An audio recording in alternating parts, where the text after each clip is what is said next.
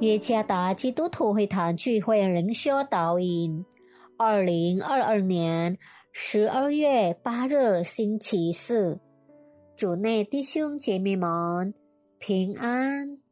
今天的灵修导引，我们会借着圣经耶利米书十八章第四节来思想今天的主题。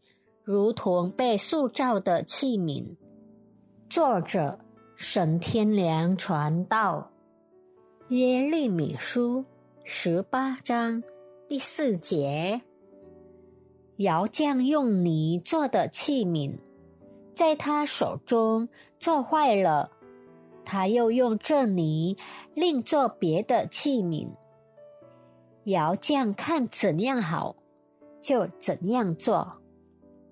主耶稣，我愿像你一样，被你塑造的更完美，让我生命中的每一步都能荣耀你的名。这段歌词很容易背，也很容易唱。当我们唱这首歌时，是否确实相信这首歌所传达的信息？我们是否真正愿意顺服神，将我们的心思意念交给神，让他来塑造？耶利米书十八章第四节提到，上帝吩咐耶利米先知到一个陶匠的家，看陶制造器皿的过程，在那里。耶利米看到陶匠如何用粘土塑造它，以便制作出美丽的器皿。毫无价值的粘土被塑造成珍贵美丽的器皿。当粘土做出的形状不符合陶匠的心意时，他又重新陶造。直到器皿成为他心想要的形状。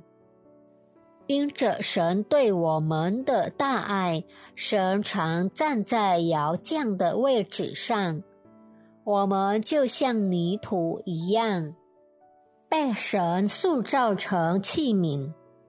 从陶造过程中，我们得到的教训是：如果容器损坏，那么，上帝会重新塑造器皿，使其在他看来变得更好。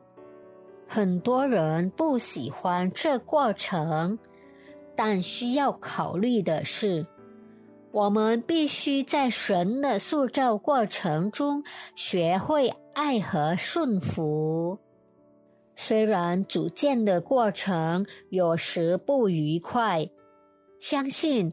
当我们在神塑造的过程中愿意顺服，我们将成为在他面前美丽的器皿。多少时候，我们不明白神塑造的过程，但日后我们会感谢他的陶造。愿上帝赐福大家。